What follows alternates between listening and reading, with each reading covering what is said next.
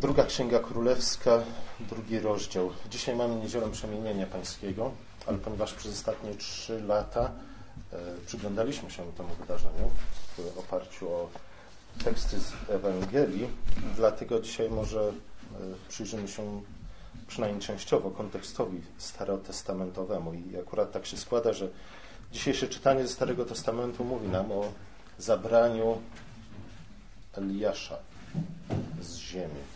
Prawdopodobnie zabraniu go do nieba. E, I właśnie przyjrzymy się temu konkretnie wydarzeniu, opisanemu w drugim rozdziale drugiej Księgi Królewskiej. Przy czym, co chciałbym dzisiaj zrobić, to e, pokrótce przy, przypomnieć e, nam wszystkim, w jaki sposób samo Pismo Święte zachęca nas do tego, abyśmy je czytali. Nie? Dlatego, że wielu chrześcijan zwłaszcza tak zwanych ewangelikalnych chrześcijan, e, cierpi na pewną chorobę, którą można e, nazwać dosłownością. E, albo nie, dosłownością. Jednym z symptomów tej choroby jest moralizatorstwo. Polega to na tym, że czytamy Pismo Święte, twierdzimy, że tekst jest jasny, oczywisty, Duch Święty nas poucza. Ktoś, kto próbuje doszukać się zbyt wiele w tym tekście, nie? jest oczywiście podejrzany, dlatego że jest oskarżany o e, doszukiwanie się alegorii rzeczy, których w tekście nie ma. I oczywiście wszystko, czego szukamy w tekście pisma, e, to jest pouczenie etyczne, nie? czyli dotyczące tego, jak po prostu mamy żyć. E, najlepiej, jakby to pouczenie nas, nam, nas jeszcze informowało o tym, jak być do końca życia, które to życie powinno być długie, e, młodym, pięknym i bogatym. Nie? A i sławnym przy okazji też. Nie? Facebook nam załatwia po części tą ostatnią kwestię. E, nie do końca tak jednak jest. Nie? I ten tekst, y, właśnie przemienienie pańskie, jest bardzo dobrą okazją do tego, abyśmy przyjrzeli się, w jaki sposób samo Pismo zachęca do tego, abyśmy je czytali. Przede wszystkim zwróćmy uwagę na to, nie czytaliśmy do końca e, tekstu z Ewangelii Marka, po części to moja wina, powinienem kazać Andrzejowi przeczytać dalej, ze względu na to, że później po przemienieniu pańskim nawiązuje się rozmowa między Chrystusem a uczniami na temat tego, skąd akurat ten Eliasz tam się wziął. Nie? Pytanie o Eliasza jest, jest dość ważnym Eliaszem, przynajmniej w markowej wersji, czy też w markowym opisie przemienienia Chrystusa. Dlaczego Eliasz? Nie? Eliasz oczywiście w Ewangeliach pojawia się wcześniej, nie dosłownie, dosłownie, czy też we własnej osobie pojawia się tutaj po raz pierwszy, ale wcześniej pojawia się w kontekście dyskusji na temat Jana Chrzciciela. Pamiętacie, że Jan Chrzciciel jest właśnie przedstawiony jako Eliasz, nowy Eliasz. Niektórzy wręcz, jak na przykład Herod, który później ściął Jana, jemu wydawało się, że to jest sam Eliasz, który zmartwychwstał, przyszedł ponownie na ten świat. A więc jest jakieś połączenie, połączenie między na pewno Janem Chrzcicielem a Eliaszem. Wydaje się, że jest też dość ścisłe połączenie między samym Chrystusem a Eliaszem. I oczywiście nie powinien nam w tym wszystkim uciec naszej uwadze Elizeusz, e, a także uczniowie proroccy, nie? którzy pojawiają się w drugim rozdziale Księgi Królewskiej. Ale najpierw, żebyśmy to wszystko zrozumieli, musimy cofnąć się do, do samego tekstu, nie? Do, do tekstu między innymi z drugiej królewskiej, drugiego rozdziału, żebyśmy pamiętali, przypomnieli sobie pokrótce, czym jest Eliasz. Musimy zrozumieć ten pierwotny tekst, do którego odnoszą się Ewangelie, żebyśmy lepiej zrozumieli Ewangelię i później, żebyśmy na podstawie tego wszystkiego byli w stanie odnieść tekst Ewangelii do nas samych, do naszej własnej sytuacji. Nie?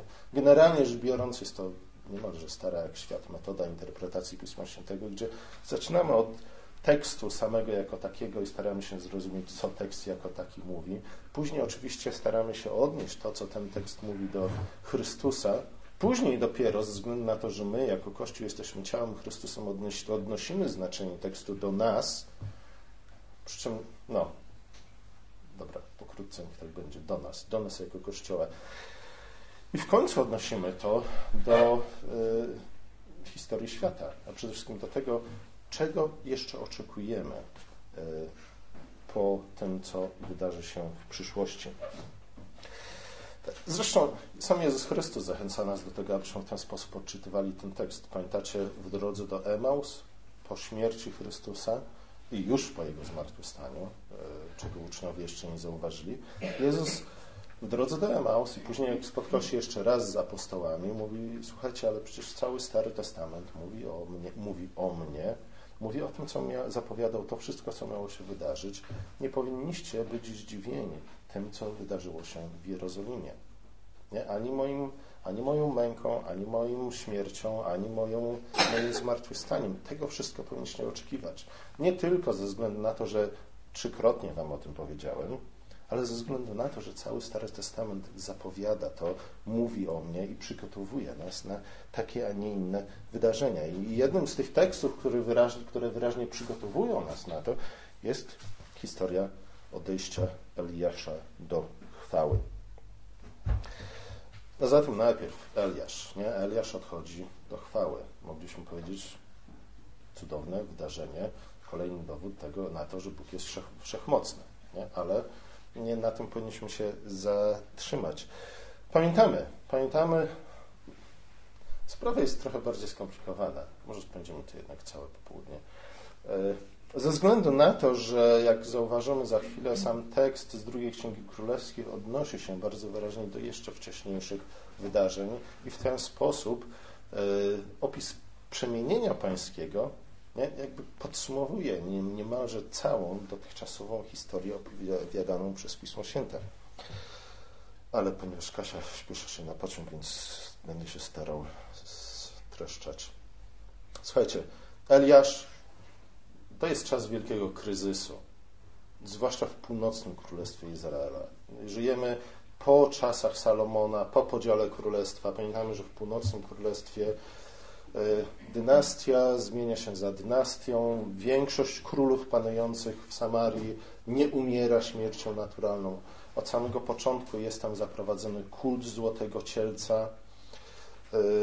Jest to generalnie rzecz biorąc, są to Izraelici, którzy bardzo szybko odstąpili od prawdziwego Boga, co, co prawda swoimi ustami wciąż wyznają to, że wierzą w Boga, który wyprowadził ich z Egiptu. Jednak już nawet postać samego Mojżesza jest dla nich podejrzana, nie? dlatego że oni w swoim kulcie odwołują się nie do Mojżesza, ale do kultu Złotego Cielca, po to, aby odróżniać się od południowego królestwa, od Judy, po to, żeby Izraelici mieszkający na północy nie spoglądali ku Jerozolimie i ku świątyni jerozolimskiej jako ku jednak centrum ich życia. Nie? Po to, żeby przypadkiem nie doszło do ponownego zjednoczenia tych dwóch części Izraela czasy Eliasza to są naprawdę czasy upadku północnego Izraela. Jak na, nawet jak na północny Izrael są to złe czasy. Nie? Pamiętacie króla Ahaba? Nie? Pamiętacie jego żonę Izabel? E, pamiętacie te wszystkie historie, nie, nie będę ich powtarzał. W każdym razie w momencie, gdy dochodzimy do drugiego rozdziału drugiej Księgi Królewskiej, e, kilka ciekawych rzeczy się e, wydarzyło w północnym królestwie. Po pierwsze, umarł następca tronu umarł pierworodny syn Ahaba. Nie? I wtedy nagle Eliasz dochodzi do wniosku, że powinien wycofać się z północnego królestwa. I w ogóle wychodzi, porzuca ziemię obiecaną, e, po drodze odwiedzając kilka miejsc, które też powinny ich nazwy odezwać się echem w naszych umysłach. Nie? Betel, Gilgal, Jericho, Jordan. Nie mówiąc o tym, w jaki sposób Eliasz i Elizeusz przeszli przez sam Jordan. Nie, nie przeszli w normalny sposób, ale przeszli w bardzo szczególny sposób.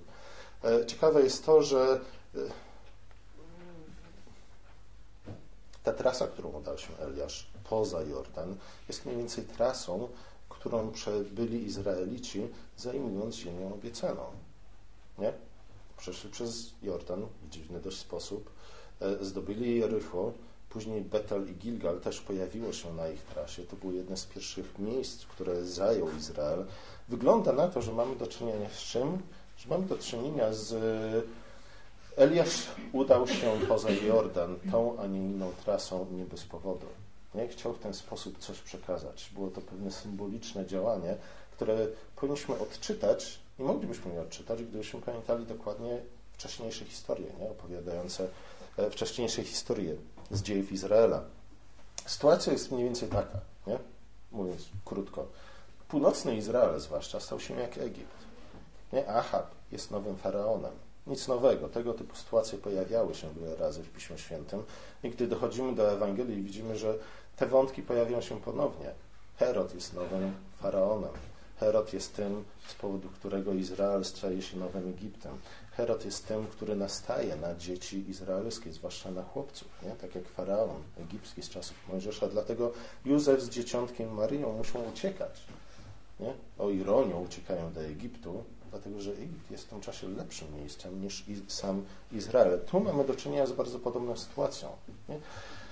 Eliasz, który jest nazwany później Rydwanem Bożym, Rydwan Boży znów, żeby się nie rozwlekać. Rydwan Boży jest uobecnieniem, czy też przypomnieniem o tym, że uobecnieniem raczej e, samego Boga. Nie? Rydwan Boży, tam gdzie jest Rydwan, Bóg podróżuje na, na, na Rydwanie. Tam, gdzie jest Rydwan Boży, ta, tam jest Bóg. Arka przymierza w pewnym, w pewnym sensie była Rydwanem Bożym. Nie? Dlatego, kiedy w którymś momencie Arka została zabrana przez Filistynów, Izrael lamentował, dlatego że dla nich było to znakiem tego, że Bóg ich opuścił. Nie? Eliasz jest Rydwanem Bożym i oto Rydwan Boży opuszcza Izrael. Nie? Izrael, który tak naprawdę nie jest już więcej Izraelem, bo stał się jak Egipt, stał się gorszy od Egiptu. Ahab jest nowym faraonem. Śmierć pierworodnego syna, śmierć następcy tronu, nie? wyraźne nawiązanie do tego, co wydarzyło się w Egipcie. Także śmierć pierworodnego, śmierć następcy tronu oznaczał moment, w którym Izrael powinien opuścić Egipt.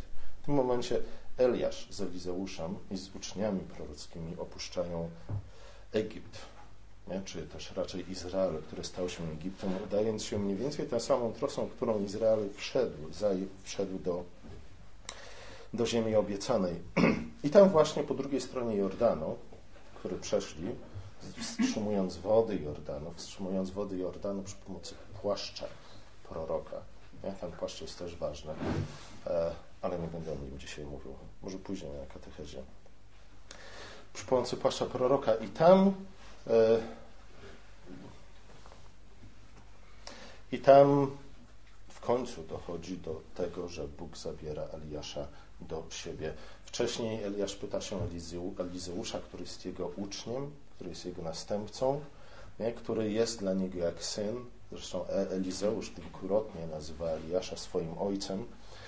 Pyta się Elizeuszu, co chcesz ode mnie. Elizeusz powiedział, chcę Twój płaszcz i chcę Twojego ducha. Nie? W naszym tłumaczeniu, któremu używamy, jeśli dobrze pamiętam, to jest mowa o dwóch trzecich ducha, tak? Czasami czytamy o połowie ducha, nie wiem dlaczego, nie wiem skąd to wzięli. W tekście oryginalnym nie ma nic podobnego. W tekście oryginalnym czytamy o podwójnej porcji ducha Eliasza. Nie? Skąd ta podwójna porcja ducha?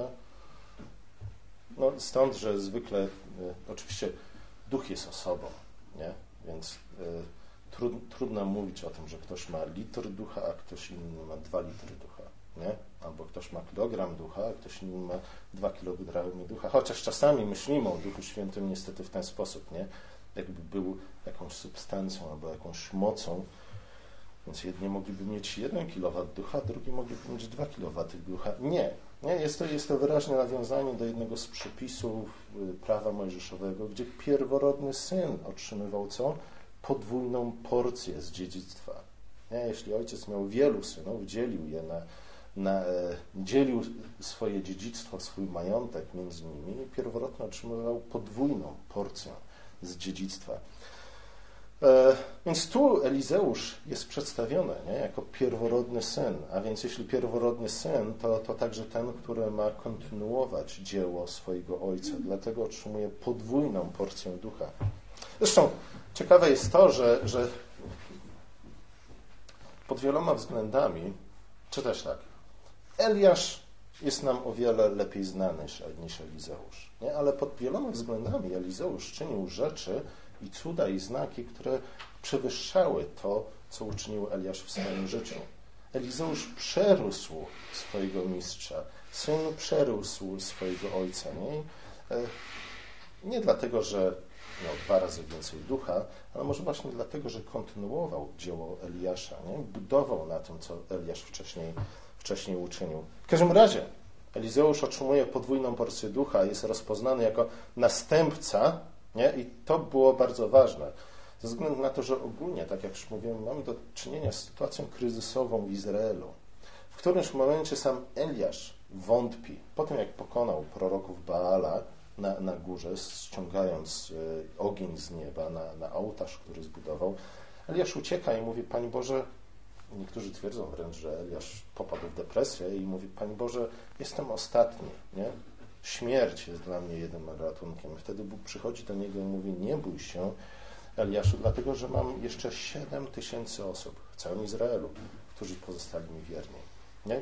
Wielkie pocieszenie. Jest 7 tysięcy osób w Polsce, którzy pozostali Bogu wierni. Którzy twierdzą, że jest jeszcze mniej, nie? dlatego że skoro my jesteśmy wierni, jest nas tak mało, to jesteśmy naprawdę kimś szczególnym.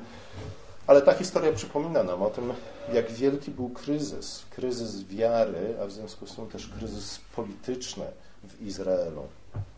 I nagle oto Eliasz, który jest rydwanem Bożym, który jest uosobieniem obecności Bożej, który w pewnym sensie jest Emanuelem, Bogiem z nami, Bogiem, który jest między nami, odchodzi.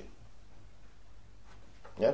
Wyobraźcie sobie swoją sytuację. Jest kryzys, nagle ten, który, z którym wiążą się nasze nadzieje, poprzez którego Bóg działa, którego Bóg utwierdził w jego roli proroka i rydwana w Izraelu, E, poprzez liczne znaki i cuda odchodzi. No i w związku z tym uczniowie, na pewno Eliasz, e, Elizeusz, a także uczniowie prorocy mogą zadać sobie pytanie, co teraz? Co będzie z nami? Nie, ten, z którym były związane wszystkie nasze nadzieje, odchodzi. Bóg go zabiera. Eliasz mógłby jeszcze pożyć 5, 10, może 20 lat, ale on odchodzi. My zostaniemy sami. Nie? Z tego typu sytuacjami mamy do czynienia w Piśmie Świętym kilka razy. Nie? Podobnie było z Mojżeszem. Mojżesz umarł. I nagle umarł tuż przed zajęciem Ziemi Świętej. I nagle pojawiło się pytanie, co teraz? Kto wypełni tę pustkę po Mojżeszu? Kto, kto stanie w jego butach, jak mówią Amerykanie? Nie? Kto będzie kontynuował jego dzieło? Kto wprowadzi nas do ziemi obiecanej i pokona naszych wrogów? Tak samo było teraz. Eliasz uciekł opuścił ziemię obiecaną. Na tronie wciąż zasiada Ahab. Wygląda na to, że źli wzięli górę, nie? a dobrzy nie podniosą się z tej e, sytuacji już nigdy. Nie? I nagle Bóg zabiera Eliasza. Dlaczego akurat teraz? Dlaczego w tej chwili? Dlaczego Eliasz nie mógł zostać z nami jeszcze trochę dłużej? Dlaczego nie mógł odnieść jeszcze kilku zwycięstw, takich jak odniósł wcześniej nad prorokami Baala, po to, aby pokazać, że Bóg jest prawdziwym Bogiem. Później, po przekazaniu, i znów Elizeusz otrzymuje podwójną porcję ducha. No, póki co nie za bardzo wiemy, czy rzeczywiście ją otrzymał, czy też nie. nie. Skąd możemy wiedzieć, że Elizeusz otrzymał rzeczywiście podwójną porcję ducha? Elizeusz otrzymał także płaszcz prorocki, który był symbolem urzędu prorockiego, który piastował wcześniej Eliasz. Elizeusz staje się, jako pierworodny syn, następcą Eliasza, ma kontynuować jego dzieło. Jak na razie mamy deklarację słowną, że ma podwójną porcję ducha i mamy płaszcz, który wskazuje na to, jaką rolę teraz od tej pory odgrywa Elizeusz. Nagle Elizeusz e, postanawia wrócić do ziemi obiecanej. Wraca do tej ziemi obiecanej w bardzo dziwny sposób. Dlatego, że gdy przyszedł do rzeki Jordan, co uczynił? Wziął płaszcz, dokładnie tak jak wcześniej to uczynił Eliasz, uderzył nim w wodę Jordanu, e, które się zatrzymały. Elizeusz wchodzi z powrotem do ziemi obiecanej i co jest pierwszym miejscem? Jakie jest pierwsze miejsce, które odwiedził? Jericho. Ostatnie miejsce, które Eliasz odwiedził przed opuszczeniem ziemi obiecanej, czyli jak mówiliśmy przed wyjściem z Egiptu. Eliasz wraca do ziemi obiecanej, idzie tą samą drogę, e, odwiedza Jericho, Betel, Gilgal, te same miejsca, które wcześniej odwiedził z Eliaszem, ale też te same miejsca, które Jozue zajął po przejściu przez Jordan. Tym razem jednak, e, gdy dochodzi do Jericha, nie niszczy tego miasta, nie wybija ich ludzi, ale raczej lituje się nad nim. Nie? I zaopatruje to miasto w to, czego potrzebowali jego mieszkańcy. Elizeusz wraca do ziemi obiecanej I tak jak Jozue wcześniej zajmuje ponownie tę ziemię obiecaną. Mamy do czynienia z czymś, co moglibyśmy nazwać rekonkwistą ziemi obiecanej i rzeczywiście tak jest. W którymś momencie Elizeusz e, znika ze sceny po to, aby pojawić się później w czasach, później, pojawia się później namaszczając na króla e, Hazaela, był królem Haramu. Dziwna postać, dlatego że jest to pierwszy, pierwszy nie izraelski król, który został namaszczony przez proroka. Nie? O tym moglibyśmy też wiele, wiele mówić. To oczywiście zapowiada późniejszą misję nie? do narodów, do pogan. E, ale namaszcza też na, na króla Jehu. I Hazael oraz Jehu dokonują pomsty na Achabie i jego dynastii.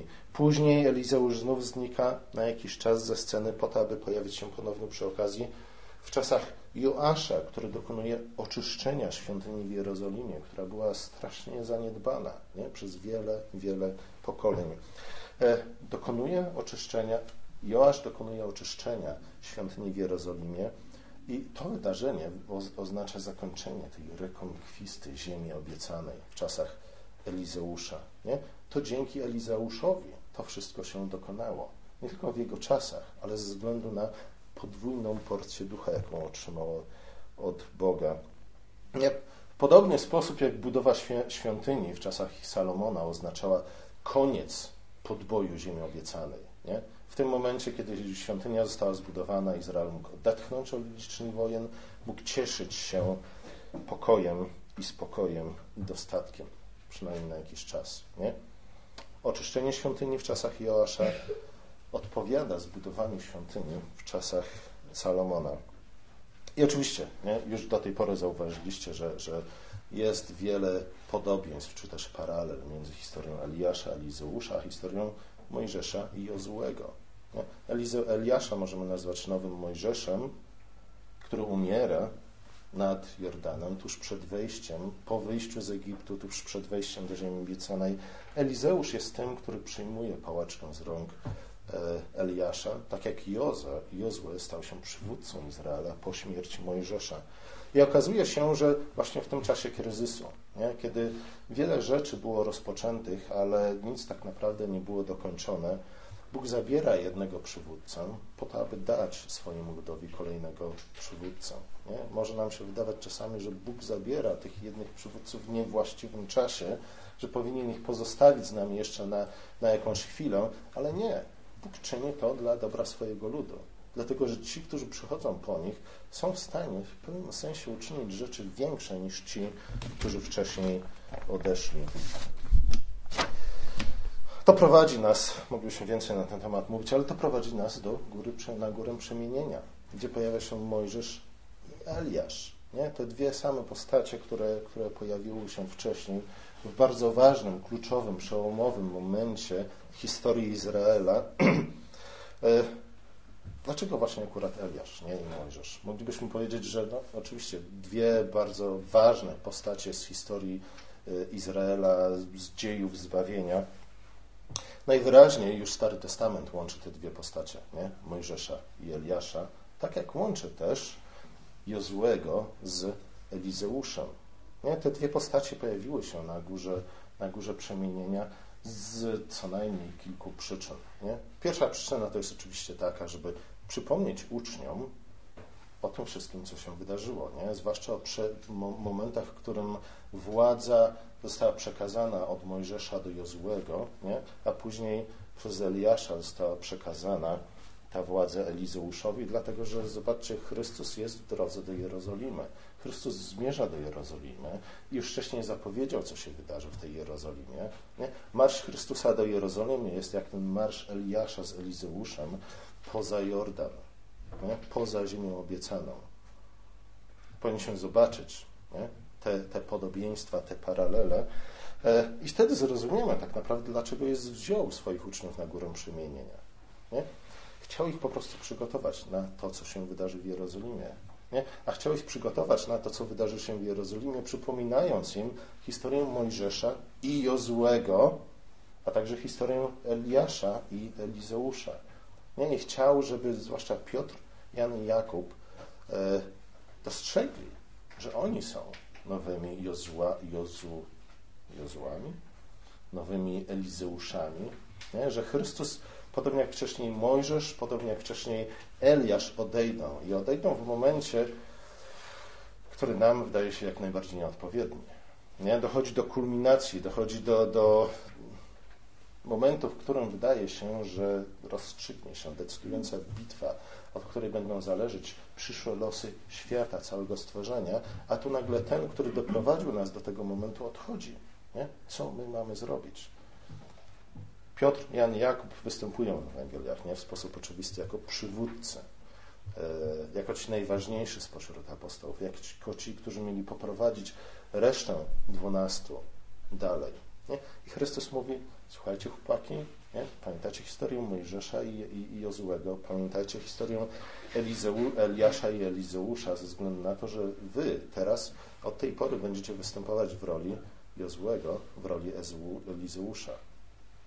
Tu można było więcej powiedzieć. Nie? Bo jeśli Eliasz, jak powiedziałem na początku, jest, e, Jan Chrzciciel jest nowym Eliaszem, to w tym momencie Jezus jest nowym Elizeuszem. Nie? Ale nie będę Wam zabierał czasu. E, Jezus także występuje w Ewangeliach jako Eliasz, nie, nie tylko Jan Chrzciciel występuje jako Eliasz, ale może kiedy indziej o tym porozmawiamy. Słuchajcie, w każdym razie o to chodzi. Nie? Jezus przygotowuje. Jezus, Jezus, tak jak Elizeusz, e, Eliasz z Elizeuszem odwiedzili Gilgal, Betel, Jericho, te miejsca, nie, gdzie, które były związane z podbojem ziemi obiecanej, ale także te miejsca, gdzie były szkoły prorocze, gdzie e, innymi słowy w drodze poza Jordan Eliasz odwiedza za Elizeuszem swoich uczniów, grupy swoich uczniów, nie, przygotowując Eli, Elizeusza, ale także tych uczniów, którzy byli obecni przy zabraniu Eliasza, na odejście Eliasza i na to, co ma przyjść później. Podobnie w podobny sposób Chrystus nie? zabiera Piotra, Jana i Jakuba na górę przemienienia, aby przygotować ich. Nie? E, gdybyśmy chcieli pokusić się o, dokładną paralelę, to być może wizytę na górze przemienienia powinniśmy przyrównać do wizyty z innych tych miast. Nie? Gilgal, Betel, ewentualnie w Jerychu, to nie jest jeszcze odejście Chrystusa, nie? to jest przygotowanie na odejście Chrystusa. Odejście Chrystusa to było oczywiście co? Właśnie, ono było też wieloetapowe. Nie? Z jednej strony mamy śmierć, ale z drugiej strony w niebo wstąpienie Chrystusa e, jak naj, w największym stopniu przypomina nam odejście e, Eliasza z ziemi. W każdym razie Jezus przygotowuje swoich uczniów, przygotowuje ich na to, co się wydarzy. Przygotowuje ich przede wszystkim na to, na dzień, w którym zobaczą Pana chwały wiszącego na krzyżu. Nie? Chodzi o to, żeby nie zwątpili, żeby nie zwątpili w tym momencie ani w moc Bożą, ani w obietnice Boże, ani w dobroć Bożą, ani w to, że w przyszłości rzeczywiście czeka ich coś jeszcze dobrego. Nie, żeby nie pomyśleli, że to jest koniec, żeby nie porzucili wszelkiej nadziei. Niestety dokładnie tak się dzieje rozmowa Jezusa z uczniami w drodze do Emaus po jego, po jego śmierci. A oni mówią, nie?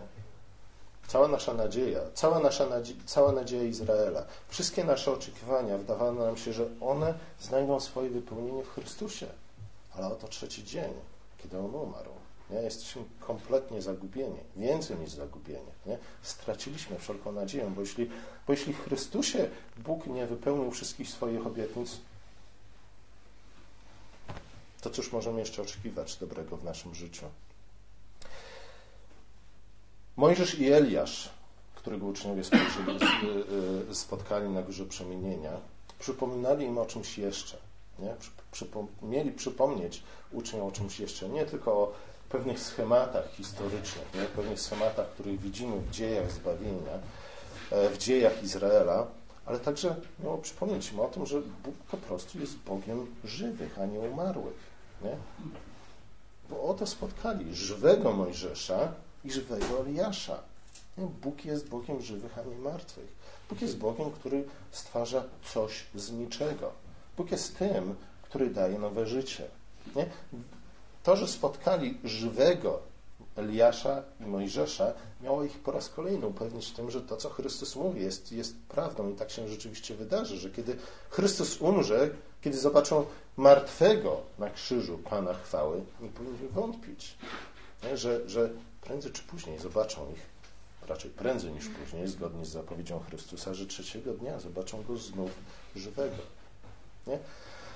Wiele można było mówić o tym, co wydarzyło się na Górze Przemienienia. Nie? Tam koncentruje się bardzo wiele wątków, które widzimy, y, które spotykamy wcześniej w Piśmie Świętym, nie? ale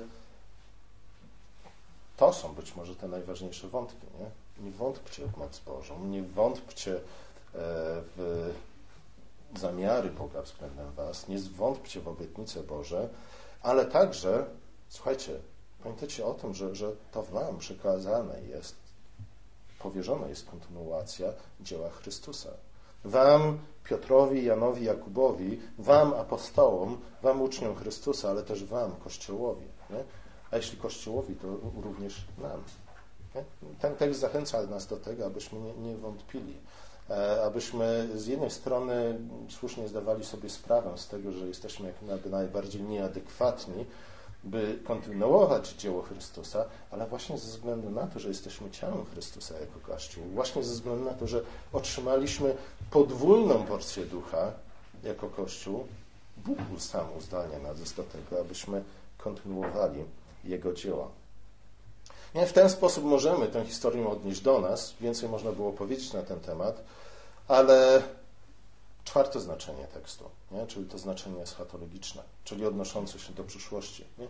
Ta historia, historia Eliasza, Lizeusza, historia wcześniej Mojżesza i Ozłego, e, przemienienie pańskie i później śmierć i zmartwychwstanie Chrystusa coraz wyraźniej ukazują nam, ku czemu to wszystko zmierza.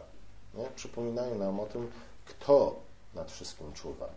Nie? Upewniają nas o tym, że Bóg chce i może spełnić obietnice, jakie nam dał. Nie? Że w przyszłości, może nie każdy kolejny dzień będzie lepszy niż poprzedni, nie? ale generalnie rzecz biorąc, jak to już przypomniałem pewnie kilka razy w ostatnich miesiącach, przyszłość, w przyszłości czeka nas coś dobrego. Nie? Przyszłość zmierza, historia świata zmierza do celu wyznaczonego przez Bogu, nawet jeśli od czasu do czasu znajdujemy się w sytuacji, w której wydaje nam się, że wszystko jest stracone, tak jak Eliaszowi, po tym jak pokonał proroków Baala. Pomódlmy się.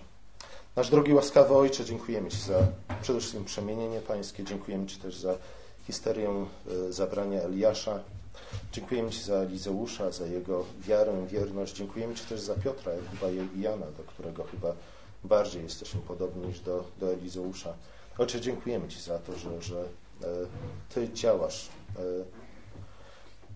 w Twoim Kościele, działasz przez Twój Kościół, któremu udzieliłeś swojego ducha i Ty prowadzisz Kościół, ale też całe stworzenie do celu, który sam wyznaczyłeś, a który jest dobry, a który znamy z Twoich obietnic i z Twojego słowa. Prosimy Cię o to, abyśmy nigdy w to nie zwątpili i prosimy Cię też o to, abyśmy jako e, część ciała Twojego Syna Jezusa Chrystusa e, przyjęli tę rolę, którą nam powierzyłeś i wypełnili ją z ufnością, z nadzieją i z odwagą. Amen.